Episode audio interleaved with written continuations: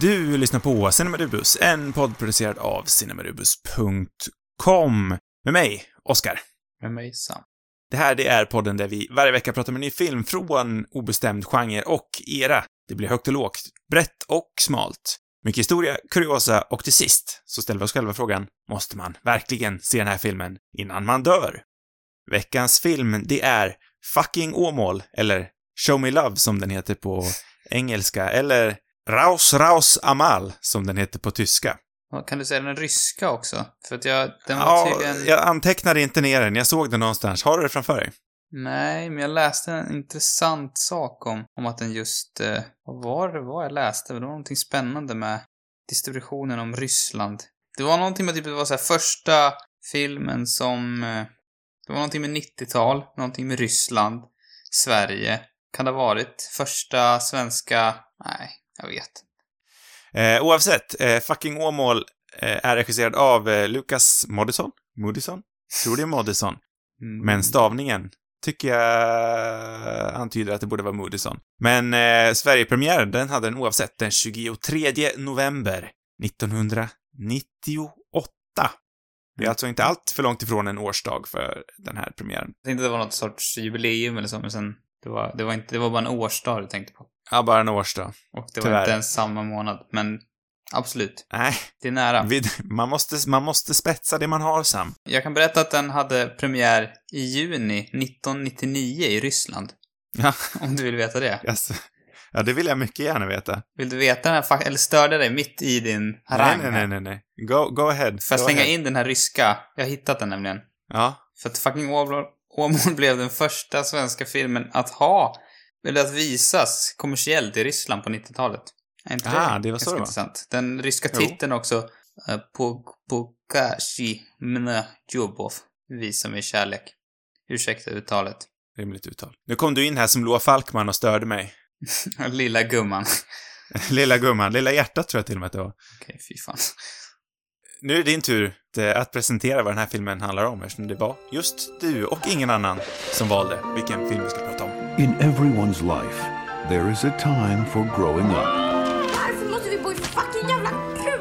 In everyone's life, there is a time for falling in love. And for two girls growing up in a small town, falling in love means discovering who they really are.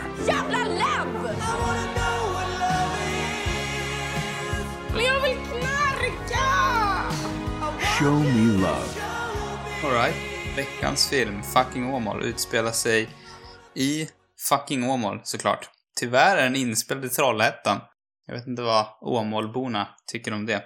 Men eh, den här filmen handlar om de två tonåringarna, Agnes och Elin, som det är högstadiet, va? Eller? Epa-pojken går i gymnasiet, så de går i högstadiet fortfarande. Vem är vem nu? Elin är, det är hon. Elin Alexander Dahlström och Agnes, eller Rebecca Liljeberg, är Agnes. bra. Ursäkta mig. Ja, filmen, det är liksom livet i en håla som tonåring och eh, Agnes är den, ja men ganska ensamma tjejen som kommer, kommer från någon annan ort och har lite svårt att passa in. Elin är, ja men hon är ju poppis i det liksom heta gänget så att säga. Och eh, Agnes har en crush på Elin som, ja, det är väl, jag vet inte, vad har vi mer att säga för någonting?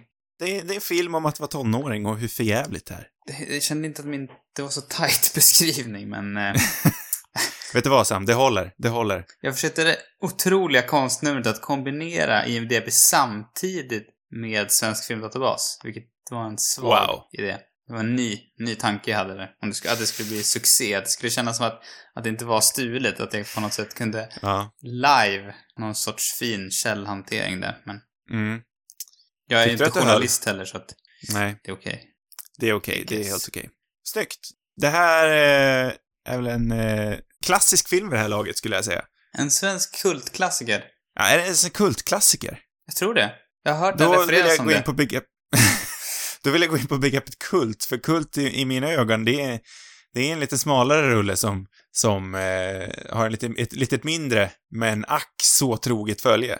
Det här är ju en väldigt eh, folkkär och eh, en enorm succé. Vad ska jag säga? Det stod någonstans. Jag, jag har inte hittat på det själv. tror jag inte i alla fall. Nej. Nej, men så kan det kanske vara.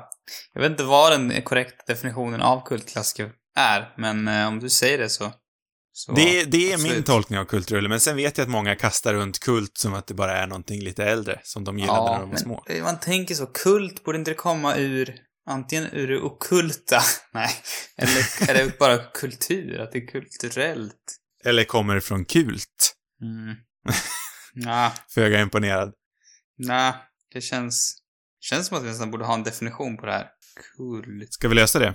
kultfilm. Live-googlande, det är liksom alltid det bästa en podd kan göra. Ja, jag tycker också det. Ehm, mm, oj. Ja, jag tror du är faktiskt ute på rätt väg, i alla fall om man ska lyssna på Nationalencyklopedin. Det kan man ju verkligen göra. Det är- Ja, det är en etablerad term för film som vid premiären varken blev en framgång hos åskådarna eller kriti kritiken, men som efter en tid upptäcks. Så att eh, det här Jag kan skulle väl... säga att det är ganska ordagrant det jag sa. Ja. Det Eller kanske inte som att du, ordagrant, men att det- du nästan har läst den där sidan innan. Bara för att kunna läxa upp mig om jag skulle eventuellt använda mig av det uttrycket. Vi har ju vår kompis Wikipedia-Viktor, Mm. som jag nu bestämmer att vi ska börja kalla honom för. Eh, Wiki-Viktor. Jag kanske kan bli... Vi- Wiki-Viktor är ännu bättre. Wiki-Wiki. Mm. Eh, varför har vi aldrig kallat honom för Wiki-Wiki för? Eh, Vic- Vicke Victor. Ja, Vicke Victor. Vi- Wiki-Wiki. Wiki-Wiki. Ja. Eh, jag jag vet kanske ska faktiskt bli national... En, en i Oscar. Ni Oscar. Ah, nej, jag vet Nej, okej. Jag kan inte riktigt se det. Tyvärr. Okej, vi släpper den. Ja, tror vi får göra det. Men eh, du har ju helt rätt. Det är ingen kultrulle. Den var... Den här filmen var en succé när den kom ut. Tror... Nu är det ännu en sån här fakta som jag är osäker på. Men jag ska i och för sig verka mer självsäker. Har jag... Mm. Har du sagt till mig, tror jag. Kanske du inte har egentligen, men... Låt säga, mellan 98 och 2006 var den här topp 7, jag vet inte, så jävla, så jävla specifikt. Det kanske är typ mellan 1900 och 2006 också. Whatever, men den var den sjunde mest sedda svenska filmen på bio. Eller var det Mm. film på bio kanske till och med? Det lå- låter bättre. Med 900 000 sålda biljetter i Sverige. Det är mer än Sällskapsresans alla delar. Tillsammans. Oj, oj, oj. Är det sant? Nej, det är en total lögn. Det tror jag verkligen inte är sant. Det hade varit en underbar faktoid om du hade suttit och räknat ut. Så, Ja, kan vi... Ja, det måste vi göra. Någon gång måste vi räkna samman all, alla eh, Sällskapsresan-biljetterna och så därefter, det är liksom kriteriet på vad som är en hit och inte. Jaha, jag tror det räcker att bara jämföra med den första, för den är väl en av Sveriges största succéer genom tiderna. Ja, det är det säkert, men det är ju också roligt om man plussar på de andra. Ja, det är kul. Det är verkligen kul. Det är roligt. Eh, nej, men det här är ju ändå en, ändå en stil, stilbildande film skulle jag säga också från eh, det sena, sena 90-talet är det ju. Ja, och eh, det är väl eh, liksom... Det här är eh, Månssons debutfilm och han känns som den här tidens stora, liksom, it-boy i regissörvärlden. Han är vad, eh, vad Ruben Östlund är nu, eller vad... Ja, men han måste väl ändå Precis. anses som det just nu. Exakt så är det. Det, det snackades ju till och med liksom, 90-talet generellt var en ganska död filmperiod för Sverige. Många ifrågasatte sig vad som hände i Bergmans skugga. Eh, vad har hänt med den svenska filmindustrin? Ändå så levde ju Bergman fortfarande vid den tiden, men var väl eh, inte superaktiv. Dålig form. Eh, ja, ja, kanske. Eh, men då i slutet här på 90-talet så kom det ändå en ny svensk filmvåg, har väl vissa sagt. Eh, jag vet inte hur långvarig den vart, eller om man ens kan kalla det för en våg. Men eh, med Moodysson, Björn Runge kom väl ut ur den här tiden, Josef Fares såklart, eller eh, jo, Josef Fares såklart. Och då Lucas Moodysson, bland annat. En rolig grej där jag upptäckte var att, att Månsson faktiskt hade varit exekutiv producent på Jalla Jalla. Jaha, Det hade ja, det är spännande. Och en annan rolig sak är väl att, att Mollison är liksom, han tillhör samma generation, men han är nästan tio år äldre än Josef Fares. För att Mm. återigen påpeka hans... Och då tänker man ändå Mollison som en ganska, liksom, ung regissör när han kom fram. Mm, Men då var han ändå typ verkligen. 28, säger vi. Typ, typ så gammal. Ja, men å andra sidan, Josef Fares var ju Ett barn. var ju det här så kallade underbarnet. Han eh, debuterade ju orimligt tidigt å andra sidan. Ingen av de där har ju riktigt, i och för sig Björn Runge, jag vet inte hur stor, han har ju jag på något sätt ändå kommit fram till är en ja, en sopa.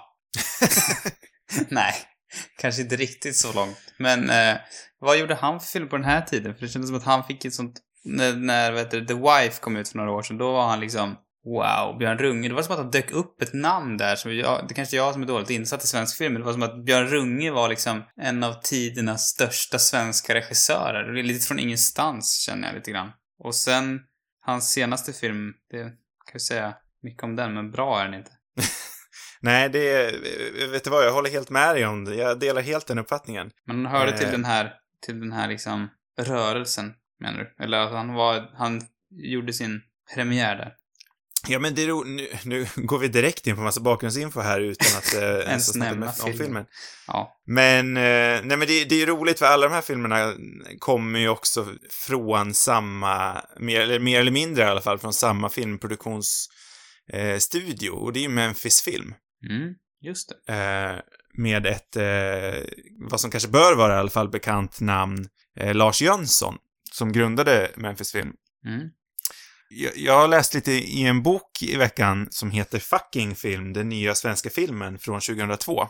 Mhm. Och där är Fredrik Salin då, i, det är ju en antologi, eh, och i det första kapitlet så har eh, Fredrik Salin, SVTs eh, eh, murvel till filmjournalist, han intervjuade Lars Jönsson i den boken och han, eh, kall, Fredrik Salin kallade då Lars Jönsson lite för kufarnas coach. Just det. För han har ju då, eh, ja men fodrat alla de här eh, mer eller mindre eh, stora personligheterna som eh, gjorde de här filmerna. Moddison, han gjorde ju även, han samproducerade även någon film med Von Trier. Josef Fares är ju en karaktär kan man väl ändå säga. Björn Runge vet jag inte hur karaktärig han är, men han gjorde ju även Änglagård, så han är ju anledningen till, eh, till varför Colin Nutley fick en svensk karriär. Ja, det är ganska roligt att kolla igenom hans, i alla fall exekutiva producent. Det är flera trier. Eh, Det är Breaking the Mm. Waves, han har varit delaktig i Dancer in the Dark och eh, även Dogwill också. Mm. Men han kommer liksom, om man ska snacka om, om vet du, det, Moddison så känns det ju absolut den här filmen att den kommer ur den danska Dogma 95-rörelsen också. Alltså stilen. Jo men verkligen, den... eh, Ja, det, det känns ju lite som att den delar eh, de stildragen, det håller jag med dig om. För den har ju den här liksom råa realismen, kan man väl ändå kalla det för. Den här filmen känns som att Moddison egentligen bara har placerat en kamera mer eller mindre i ett högstadie. Sen visst, att den är kanske lite klipskare ibland än vad, ett, ett, vad en vanlig högstadiescen hade varit. Men mer eller mindre känns det så. Ja, och så den här handhållna stilen. Alltså kan väl säga Dogma också. Eh, Det är ju den danska filmrörelsen som, ja, definierades av Lars von Trier och Winterberg och, och det gänget liksom. Som Mm. byggde på en, en rad regler, eller dogmer som de säger. Precis, de hade ju ett manifest med det som, eh, om man var med i det här eh, kollektivet då så, eh, så var man tvungen att följa det manifestet. Man skulle väl ha, försöka uppnå maximal realism för att sammanfatta det, inget artificiell ljussättning. Sen var det väl några som drog lite och spetsade de här reglerna, så alla följde det inte till punkt och pricka. Men eh, det var väl utgångspunkten i alla fall. Ja, jag tycker liksom den estetiska känslan i, ja men både, eller ja, i allt egentligen, inte bara det, utan dialogen, ja men hela intrycket av den här filmen är ju att det ska vara en, en väldigt, kännas väldigt realistiskt. Det är liksom lite smutsigt, det är handhållet, det är, ja, det ska kännas äkta. Det känns ju mycket som att det kommer ur den tiden. Jag menar framförallt så är det ju mycket känsla. Först och främst. Den här filmen känns ju eh, liksom både i handling men också i stil som en tonåring. Mm. Den är lite omogen, den är rå, den har, den bär liksom känslorna på, eh, vad säger man, på, på rockärmen. Den, den liksom, den är vad den är. Ja, jo men det är, ja, genomgående. I allt egentligen. Det, det kän- känns som att det kommer ju, eller hela liksom, Månsson som person tycker jag också förkroppsligar det här. När man ser intervjuer från den här tiden, och då är han en man som inte så gärna ställer upp på intervjuer, men Nej. jag vet inte ens för jag vet inte vilket år den intervjun jag har sett kommer ifrån, men det är någonstans där kring i alla fall. Det finns en lite längre intervju där han motvilligt är med. Eh, men annars, och i de få liksom framträdandena man kan se honom i, så, så kan man liksom se den här energin och, och lite punkiga stilen liksom. Som kanske finns hos många, många yngre regissörer också, men, men det känns extra på något sätt typiskt för den här tidsperioden, eller regissörer, alltså på nästan på liksom internationell, eh, på på ett internationellt plan tycker jag att det var, det var mycket kaxiga filmregissörer som kom fram på den här tiden, eller under 90-talet och det här är slutet av 90-talet. Ja, men det känns ju lite direkt som en antites till 80-talets glättiga och, och, och skimrande actionfilmer. Ja, Run, runt om i hela världen då snackar jag om, eh, jag vet inte om man kan definiera Sveriges 80-tal med ju, just sådana filmer, men, men om man tänker i USA då till exempel, där var det ju också en indievåg som, som eh, framkom eh, med eh, Kevin Smith till exempel och, och Linklater och alla de här. Det, det vart ju en, en, en direkt motsägelse till de här, eh, till Schwarzenegger-filmerna, till eh, Stallone-filmerna. Mm, ja, ja men verkligen. Vad tyckte du om, om eh, Fucking Normal? Du har inte sett den förr? Nej, men jag tycker den är eh, fantastisk på många sätt. Det är... Eller hur? Eh, ja, jag är lite ganska sen på Moddison-bollen, måste jag ändå säga. Eh, men jag, jag har sett den här tillsammans tidigare och, och så hans briljanta tv-serie Gösta, såklart. Eh, Så bra.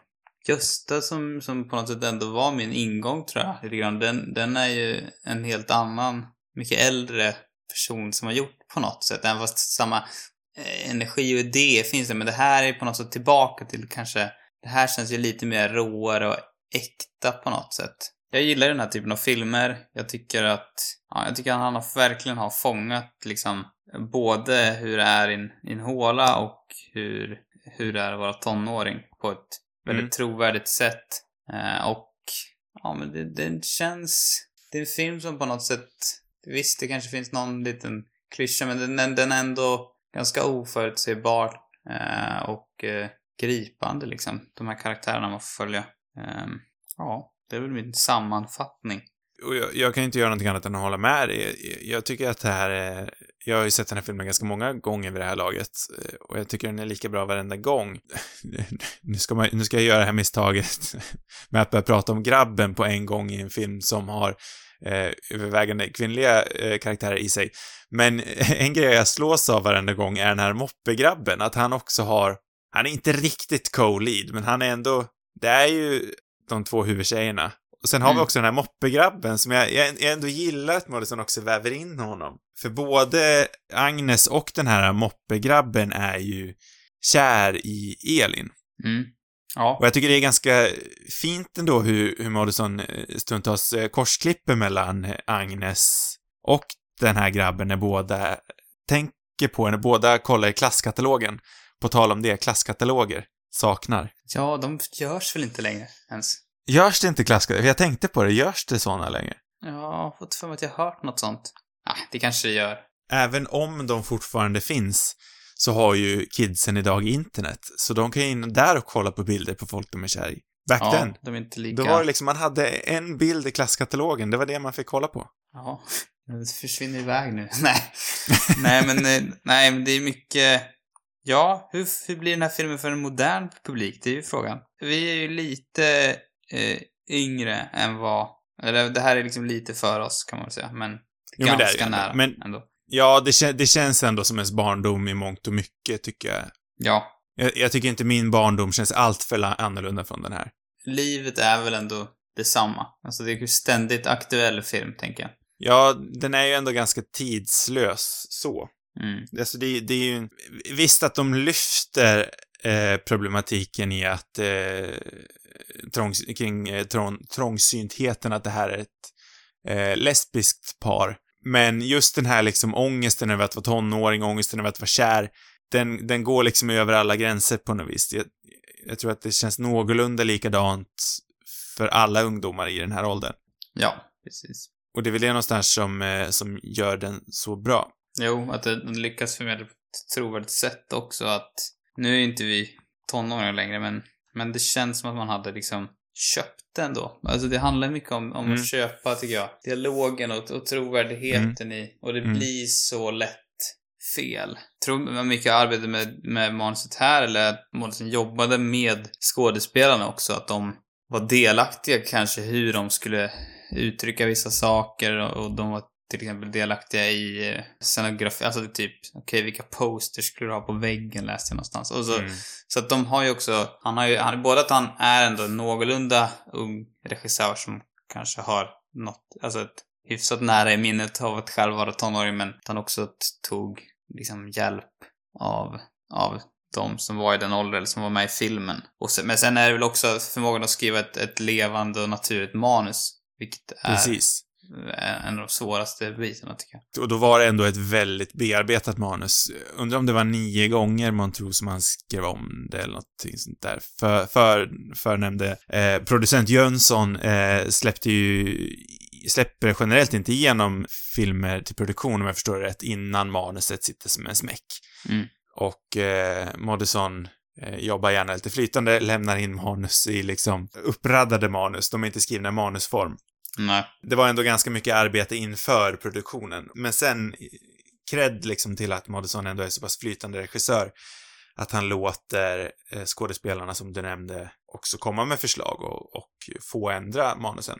För det är ändå de som faktiskt är i den här åldern också. Ja, precis. Sen tror jag också att han eh, hade ett bra team. Eller Han var liksom noga med det när han satte ihop det här teamet som skulle göra filmen. Att för det första hade de en ganska tight budget. Eh, men också att de som liksom, som var med i det här teamet var rätta personer. Var typ som att de var ett lag liksom. Och, och det är Mm. väl också en bidragande del. Och jag tror för att få vet du, skådespelare i den här åldern att, att prestera och känna sig bekväma eh, i sån här film så måste man ha ett, ett bra klimat.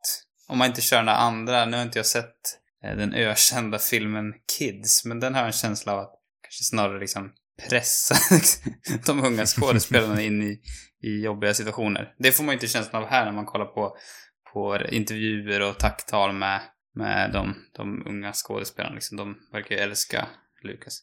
Ja men precis, och de är, jag, jag tror fortfarande att de är väldigt stolt över den här filmen och att de fortfarande liksom gillar Moddison. Jag menar Rebecca Liljeberg som spelar Agnes, hon är ju inte skådis längre. Hon har inte varit det på många, många år. Hon jobbar ju på sjukhus. Mm.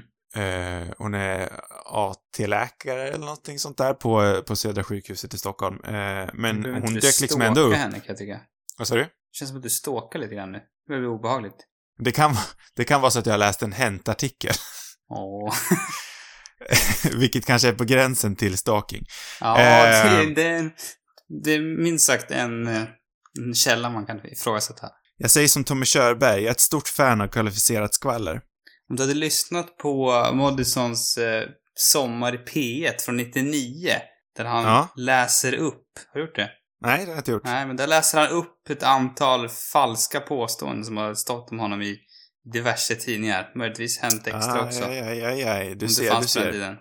att, eh, Men just det här finns det ju bildbevis som jag får komma till min poäng. Mm. Att Rebecca Liljeberg eh, dyker ju ändå upp på premiären till Gösta, eh, typ 20 år efter eh, hon slutat skådespela. Och Alexandra Dahlberg, Dahlström eh, läser fortfarande liksom, eh, hon gjorde en live-read på fucking Åmål på Instagram för några år sedan. Jag tror att det var i takt med pandemin. Mm, mm. Eh, så båda känns ju fortfarande väldigt eh, stöttande av den här filmen och de verkar ju inte direkt skämmas över att ha varit med i den. Nej, nej, verkligen inte. Alltså, jävla bra de är också, måste man ju säga. Frukt, fruktansvärt bra. komma in på det. De, de vann ju, de delade på, på en Guldbagge. Jag vet inte om det är unikt. Det känns nästan så. De var nominerade tillsammans. Ja, det känns ju verkligen unikt. Och på sätt och vis kan jag också tycka att det är fint. För det blir lite tråkigt när två skådespelare i samma film som ändå går ihop så pass mycket som de här gör. De här spelar ju ett, ett par verkligen. Det är ju det filmen går ut på. Då kan jag tycka att det är fint när båda får Guldbaggen istället för bara en av dem. Ja, nej, men de är så tydliga, centrala karaktärer båda två, egentligen. Nej men det, ja, nej men båda tycker jag är otroligt, ja men Dahlström som, ja men hennes energi och liksom, ska man säga det, ja, jag vet inte hur man ska beskriva det, men det, det är en otrolig liksom energi och kraft i hennes liksom, prestation tycker jag. Och eh, Liljeberg som har det här, ja men mörkret mer i sig också på något sätt. Jag vet inte, de är, eh, de är som gjorda för de här rollerna. Verkligen. Eh, toppbra.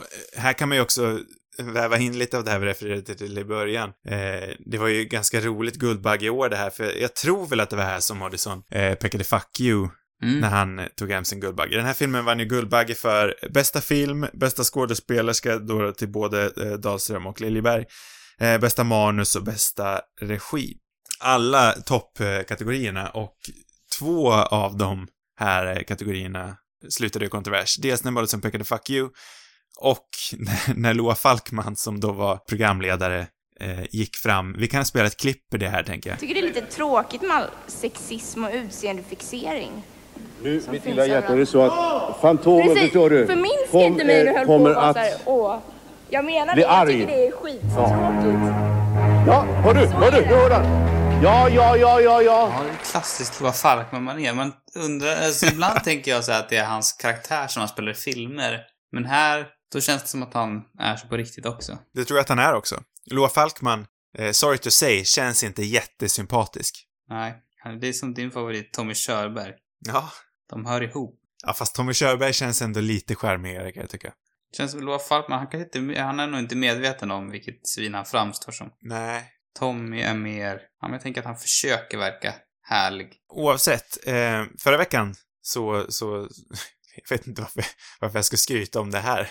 Men att jag har, att jag har en långdragen koppling till Alexander Dahlström. Ja, du, det var lite av en cliffhanger förra veckan. Så det är väldigt höga förväntningar från min sida. Precis. Och här kommer ju då min långdraga kop dra långdragna koppling. Eh, som vi nämnde då, så är ju Alexander Dahlström en Gävlebo, precis som du och jag är.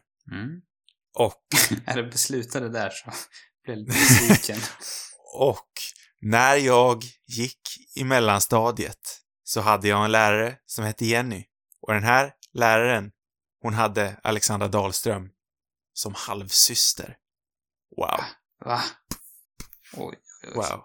Det var, var det bara det? Ja. Du träffade inte på henne någon gång alltså? Nej. Men jag tänkte, jag, jag, jag, jag önskade alltid att, åh, kan hon inte ta med Alexander Dahlström till klassen någon gång? Men det gjorde hon aldrig. Vilken besvikelse. Ja, verkligen. Det var eh, några antiklimaktiska år där. Jag bara väntade på att träffa en sann filmstjärna. Det Det gjorde jag aldrig. också lite antiklimax ändå, tycker jag, anekdoten om honom. Ja, eh, Men- men byggde jag inte upp det som att det skulle vara en antiklimax då? Ja, Jag det kan ändå du säga för att sig. jag- Men jag hade byggt upp den då, att inte att du försökte underbygga den innan. Nej, nej, nej. Nej, nej, nej. I, I do not lie. Nej. Så Nej, det var min koppling till Alexander Dahlström. Ja, men den är fin. Tack. Jag gillar den. Tack, det värmer. Kan tänka mig att det finns någon som har en närmare koppling också. Ja, till exempel min lärare Jenny som är halvsyster. Ja. Det är precis. en nära koppling. Det är ganska nära. Är, är det så att Alexandra till denna dag är den bästa kändisen från Gävle, bortsett från Cat Stevens då? Mm. Gävle är ju inte direkt Deleva känt för att ha... cancelled. För, Eller vad hände med Deleva? ja.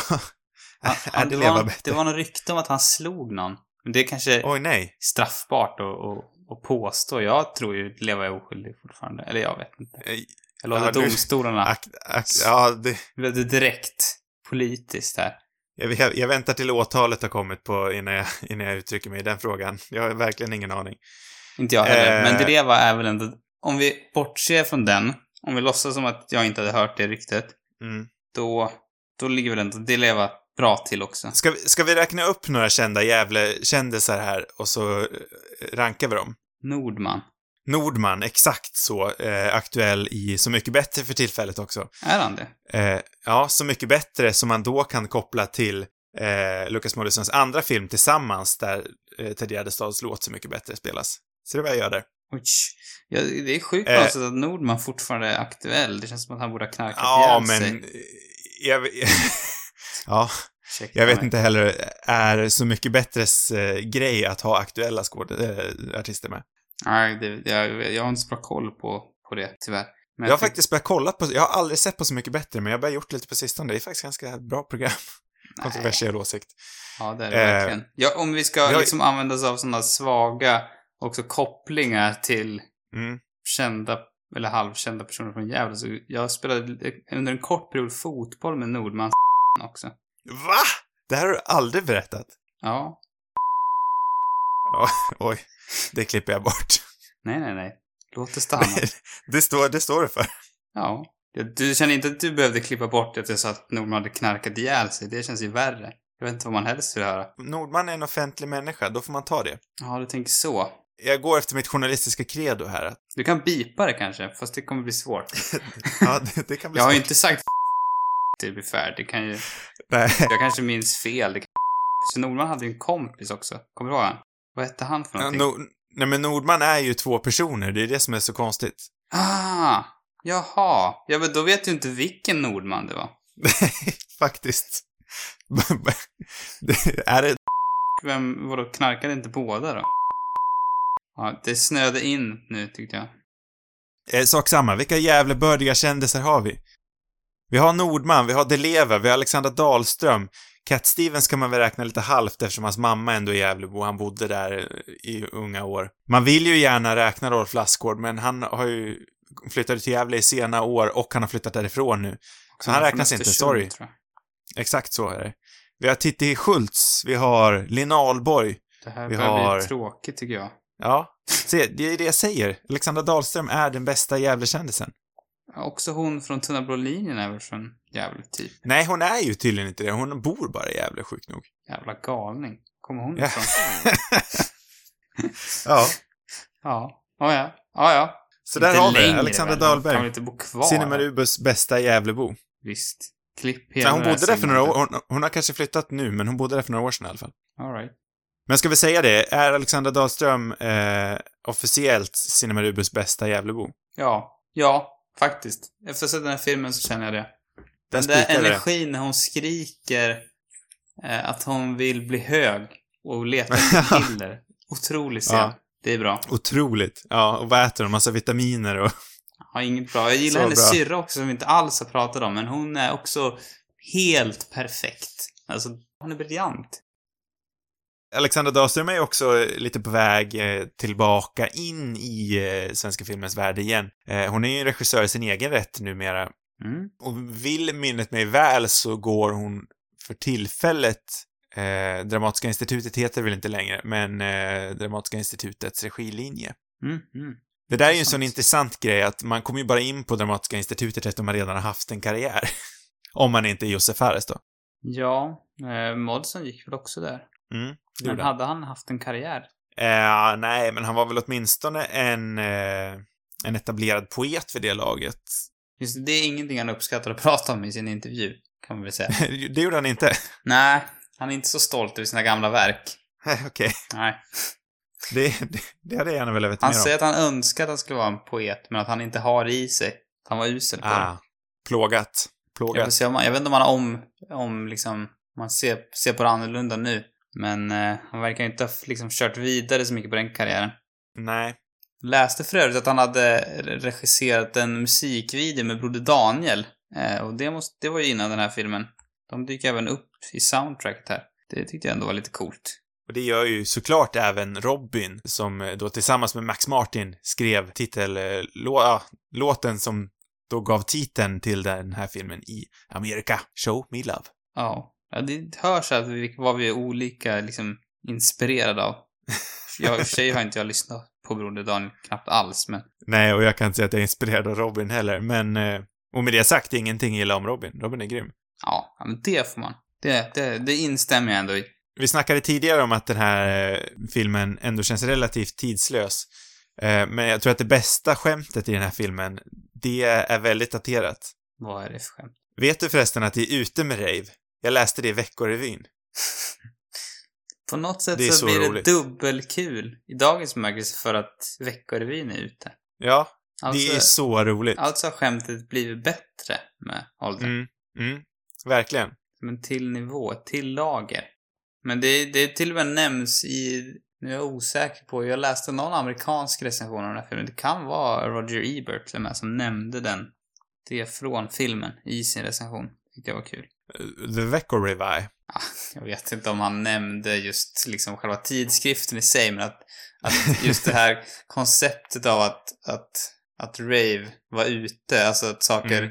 när det väl dyker upp i en håla, då är det, är det redan ute. Det Mm. var väl det som kändes bekant. Och jag tror, men jag tror den här filmen kan liksom funka. Det Den sålde ju till många andra länder också. Jag tror att den, att det finns någonting, ja men inte bara det där som vi säger att den funkar som utan jag tror också att den är, ja, även internationellt. Det funkar. Att, många, att man kan känna igen sig i det. Det behöver inte Det jag vara från Sverige för att känna igen sig i, i det här liksom. Det är väl Nej, kanske verkligen. själv, uttrycka självklarheter i och för sig. Nej, men det, det är verkligen en, en, en tidslös och eh, gränslös romans. Inte gränslös i den bemärkelsen, men du förstår vad jag menar. Jag förstår. vad du menar. Fast jag vill Eh, gärna jag- att utveckla den här gränslösa romansen också. Det Eh, på tal om det. Jag kan någonstans tycka, om jag får komma med något eh, kritiskt inslag, att det är i slutet av den här filmen som det intressanta börjar. mm. Eh, och jag tycker det är lite tråkigt samtidigt som det är fint att vi inte får se det. Ja. Jag är lite, jag är lite kluven i det. Eh, egentligen hade jag nästan velat börjat en film där den slutar. Så det jag säger är att jag vill se Fucking Normal 2. Jo, jag förstår. Ja, den, den är lite antiklimatisk också. Eller Ja, det är i och för sig bra. Men jag vet inte, det är någonting som känns med slutet lite... Kanske vi inte ska gå in i det för mycket i detalj, men... Nej, men jag förstår vad du menar. Man hade velat sett mer. På samma gång så jag kan känna att man skulle bli besviken om man såg mer också. Ja, men det är också det jag tror att man hade blivit och, och med allt det här sagt, alltså jag älskar slutet. Jag tycker att det här är ett perfekt slut. Så här, eh, underbar frigörelse, verkligen. Eh, men men jag, jag, jag kan också tycka att, att storyn som utspelar sig efter den här filmen hade på något sätt varit fräschare. Men sen så kan man ju inte heller kringgå att när den här filmen kom ut 98 så var ju det här en fräsch story. Mm. Ef- efter Fucking Åmål så har man ju sett den här berättelsen igen och igen och igen. Eh, vad som händer efter känner jag fortfarande inte att man kanske har sett så många gånger. Nej, nej, det har du en poäng i. Har man, har man sett det här lesbiska eller homosexuella paret bara leva sin vardag i high school-miljö? Det kanske man har, bara det att jag inte har sett det. Men i mina ögon är det en story som jag verkligen hade velat se. Men sen kan man ju inte klandra den här filmen för att den inte visar det heller. Nej, nej, men... eh, Ja, jag tycker ändå att du har en poäng i det. Det hade fortfarande varit intressant. För jävligt. Att vara med. nej. nej, men den här filmen var ju eh, liksom ändå... ti- Ja, inte... Vad ska man säga? Det var väl mycket det som var st- storheten också i filmen. Att, eller, härligt att den blev en sån succé, tycker jag, på något sätt. Att Mm. den kanske kunde bidra till något sätt att, att komma ifrån liksom gamla, tråkiga eh, och hemska sociala konstruktioner. Eh, och eh, jag, jag tänker mig att det, att det var ganska många unga personer som såg den här och kanske unga personer som var gay som också såg den här och kunde känna, känna, ja, men känna sig lite bättre efter den här på något sätt. Det är, ju, det är det här kultur gör när det är som allra bäst. Alltså det öppnar ju dörrar. Alltså det, det här norm, det norm- normaliserar. Mm. Sådana här filmer behövs ju för att, ja men kanske visa för folkgrupper eller, eller personer som, som, som inte har en aning om den här världen, att visa att det liksom är helt normalt. Att, att normalisera helt enkelt. Mm. Det är superviktigt. Det, alltså det som jag tror, det som gör att den här filmen funkar, eh, som gör, alltså att den får fram kanske det här budskapet eh, på, på ett sätt som, som liksom är, ja, men, jag vet inte, att det, att det funkar, det, det, det tror jag är, är just att det inte känns krystat. Jag tror inte Moddison har liksom tänkt, nu ska jag göra en film som har det här budskapet. Han har till och med pratat Nej, om hur han inte har liksom sådana koncept eller teman som han bestämmer innan han gör en film, utan att han mer har ett, liksom, scener som han kommer på och liksom att det inte får, ja, jag tror att det är mycket det, att den in, inte har den här liksom idén som jag tror många andra filmer i, som vill kanske berätta en liknande historia, ändå kommer ur, att de kommer ur att okej, nu ska vi berätta eller säga en specifik sak så att folk ska förstå det här eller alltså att det blir utbildande på något sätt. Mm. Och, och onaturligt och inte speciellt tillgängligt. Jag tror det är en viktig del i att den här filmen blev en succé och att den faktiskt kanske kan göra någon sorts nytta för, för samhället. Att den inte har verkligen. liksom tänkt det innan att det är det som är målet. 100 procent. Jag håller helt med dig. Det vi inte heller snackar så mycket om är platsen i sig, Åmål, som... Alltså de låter ju som att de är från Värmland, men Åmål ligger ju faktiskt inte i Värmland. Det ligger väl ganska nära Värmland, men det ligger egentligen söder om Värmland. Mm. Men det känns som ett, ja men klassiskt så, ragga bilsmäcka, tänker jag. Nu är inte Mm. det med så mycket i den här filmen. Eller inte alls, egentligen, men... Nej, men vi har ju ändå några moppe, moppegrabbar. Man ser Ja, ju att de där kommer jo, åka men- raggarbil om några år. Ja, jo, kanske. I dagens film så hade de alla åkt, åkt EPA, liksom. Om det hade Precis. varit eh, fucking Åmål 2022. Ehm, Ja, den kommer väl snart efter Tillsammans 99. ah, tror du det? Nej, Man vet inte aldrig. Men, men eh, jag läste också att Åmål var liksom inte jätte... Alltså kommunen eller staden Åmål var inte så positiva när, när den här filmen skulle komma först. För det var... Jag tror inte att det handlade så mycket om att den var inspelad i Trollhättan egentligen. Men hade bara lånat namnet egentligen av staden. Utan det var, det var väl kanske mer själva titeln. Och att det var en Mm. utmålad som en hemsk håla som alla vill lämna och Mm. och så vidare. Men sen med filmens succé så tror jag väldigt snabbt att det vände till en otrolig tacksamhet istället. För att jag tror det är inte så många som skulle veta, känna till den här platsen eh, i Sverige om det inte vore för filmen. Det tror faktiskt inte jag heller. Fucking Åmål, det är liksom, det kan alla. Nästan till i alla fall. Mm. Ja, men det är viktigt. Tänk om, tänk om den här filmen hade utspelat sig i Stockholm eller någonting. Så man inte hade fått de här... sig, Det var ju mycket som inte hade funkat då, men jag, jag tycker de här... Jag, jag tänker kalla dem värmländska dialekterna. Även fast jag förstår att det är ett Mm. Övertramp och ett övergrepp. eh, Mot värmlänningar kanske. Jag eh, uppskattar dem. Jag med. Jag hade inte uppskattat lika mycket om Dahlström hade kört på sitt jävelmål. Det hade... hade kliat. Sen är ju också, som vi nämnde tidigare, hela grejen med den här filmen är ju att den hade ju fun- den funkar oavsett vilken håla, alltså man kan placera de här i vilken håla som helst, utan det är, det är ju den här känslan av att man vill komma ifrån någonstans. Det är ju det som gör den här filmen så universell. Jag undrar hur Moddison har blivit så skicklig på... Han är från Lund. Det Mm. känns inte som en klassisk håla. Nej. Man tänk, jag tänkte länge att han var från typ Åmål eller någonting. Men det är han inte Men han alls. har väl också den här punka-bakgrunden och punkare för mig är är ju verkligen sån här, jag vill bara komma härifrån-människor. Jo, i i och för sig, men jag tycker han är skicklig på att eh, ändå... Ja, det känns som att han borde... Han kanske har bott... Bara för att han är född i Lund behöver inte betyda att han har bott hela sitt liv där, men, men med tanke på att hans mamma då är barnboksförfattare så känns det kanske inte riktigt som att de hör hemma i en Åmål-liknande plats. Vad vet Nej. jag? Kan vara fel. Ja, nej, nej, jag vet faktiskt inte riktigt. Han är skicklig på både det och, eh, tycker jag, som en man ser jag det, men, men på att, att han har ändå två unga kvinnor i huvudrollen och tycker att han, ja, från mitt perspektiv, som är förmodligen fel, men så tycker jag att han gör det väldigt bra. Mm. Ja, men jag, jag, jag håller helt med. Det, det är också min professionella åsikt som en, en, en vit man. Just Eh, jag, jag tänker, innan vi rundar av så skulle jag vilja köra lite högläsning här från eh, förnämnde bok, Fucking Film, den nya svenska filmen, av Stig Björkman, Helena Lindblad, känd från DN, och Fredrik Salin. Mhm. Stig Björkman pratade vi också om för några veckor sedan här. Eh, för de ställer en fråga här som jag tänker, eh, ja, jag läser högt. Denna bok är inte ute efter att cementera det i media populära begreppet den nya svenska filmvågen. Filmåren 98 till 2001 är fortfarande en del av nuet. Det lever i färskt minne hos alla som befinner sig i närheten av eller mitt i branschen. Det är först i framtiden som vi kommer att få en fullständig och övergripande bild av denna periods inverkan på filmen. Men det hindrar oss inte från att gå in och ta pulsen på ett pågående och spännande skeende. Eller skede, står det till och med. Mhm. Men, den här boken publicerades 2002, alltså precis när den var i det här skedet.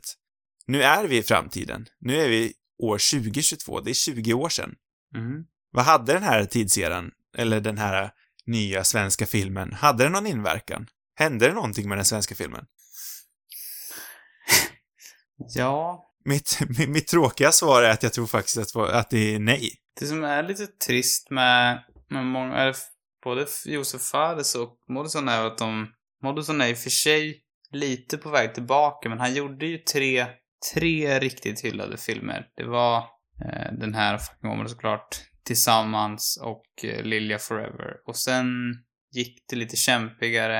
Eh, han gjorde denna också sin första engelskspråkiga film, Mammut, som inte Mm. heller var någon vidare succé. Eh, och sen så hade han, ja men sen gjorde han i och för sig den här, vad heter den för någonting? Eh, svensk film igen.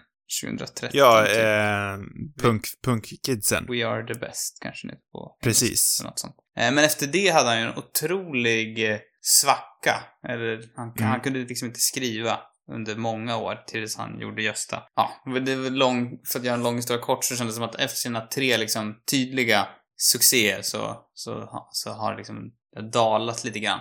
Eh, och Fares slutade ju, han gjorde ju också liksom några succéer och sen kom det några lite svagare filmer och sen så slutade han helt och hållet. Eh, Björn Ja. Runge gör ju succé med The Wife då, om vi ska snacka om honom som en av de här. Jag vet inte om han, jag tycker inte riktigt att han hör hemma när man pratar om de andra två. Men han har ju i och för sig gjort en väldigt hyllad, internationellt hyllad film.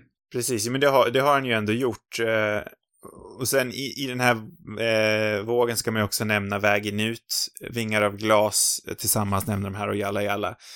Eh, men, men, men har det här, alltså visst att de här regissörerna hade någon hit till och sen höll de sig kvar eller så försvann de. Men jag, jag, jag tänker den här stil, alltså fick det en inverkan på den svenska filmen? Jag tycker inte vi märker av att svensk film blev annorlunda efter det här. Jag tycker svensk film hamnade i en svacka igen från 2000... känns som att svensk film är lite inne i en... Det är, po... det är... vi är inne i en positiv våg just nu tycker jag ändå. Men svensk film från 2002 till 2015 kanske, var ganska tråkig. Mm. Men jag tror ändå att det, det, de här filmerna har säkerligen liksom inspirerat många. Eh, sen har det kanske inte nått samma, samma framgång. Jag känner väl själv inte att jag är så jätteväl insatt heller i, i den här tiden av, av svensk film. Men eh, som du säger så känns, det känns ju som att, som att svensk film är lite på väg tillbaka nu, i alla fall om man ser det ur ett internationellt perspektiv. Så jag vet inte riktigt hur bra det går för den svenska filmen om man bara ser till nationellt, hur liksom väl den kan konkurrera med, med andra utländska filmer. Men om man Nej. kollar på, ja men som Cannes-festivalen i år så var det tre riktigt stora svenska filmer som, som var Verkligen. aktuella. Så att, så att svensk film är ju definitivt på ett bra ställe just nu. Jag vet inte om, om, om Ruben Östlund kan, som är kanske den största just nu, på något sätt ändå kan ses som influerad av, av Moddison exempelvis. Han, jag menar, han gjorde ju sin första spelfilm var väl Gitarrmongot som kom typ inte så många år efter det här. Sen kan man ju också problematisera mitt, eh, min frågeställning nu. Är, är 20 år ändå för lite?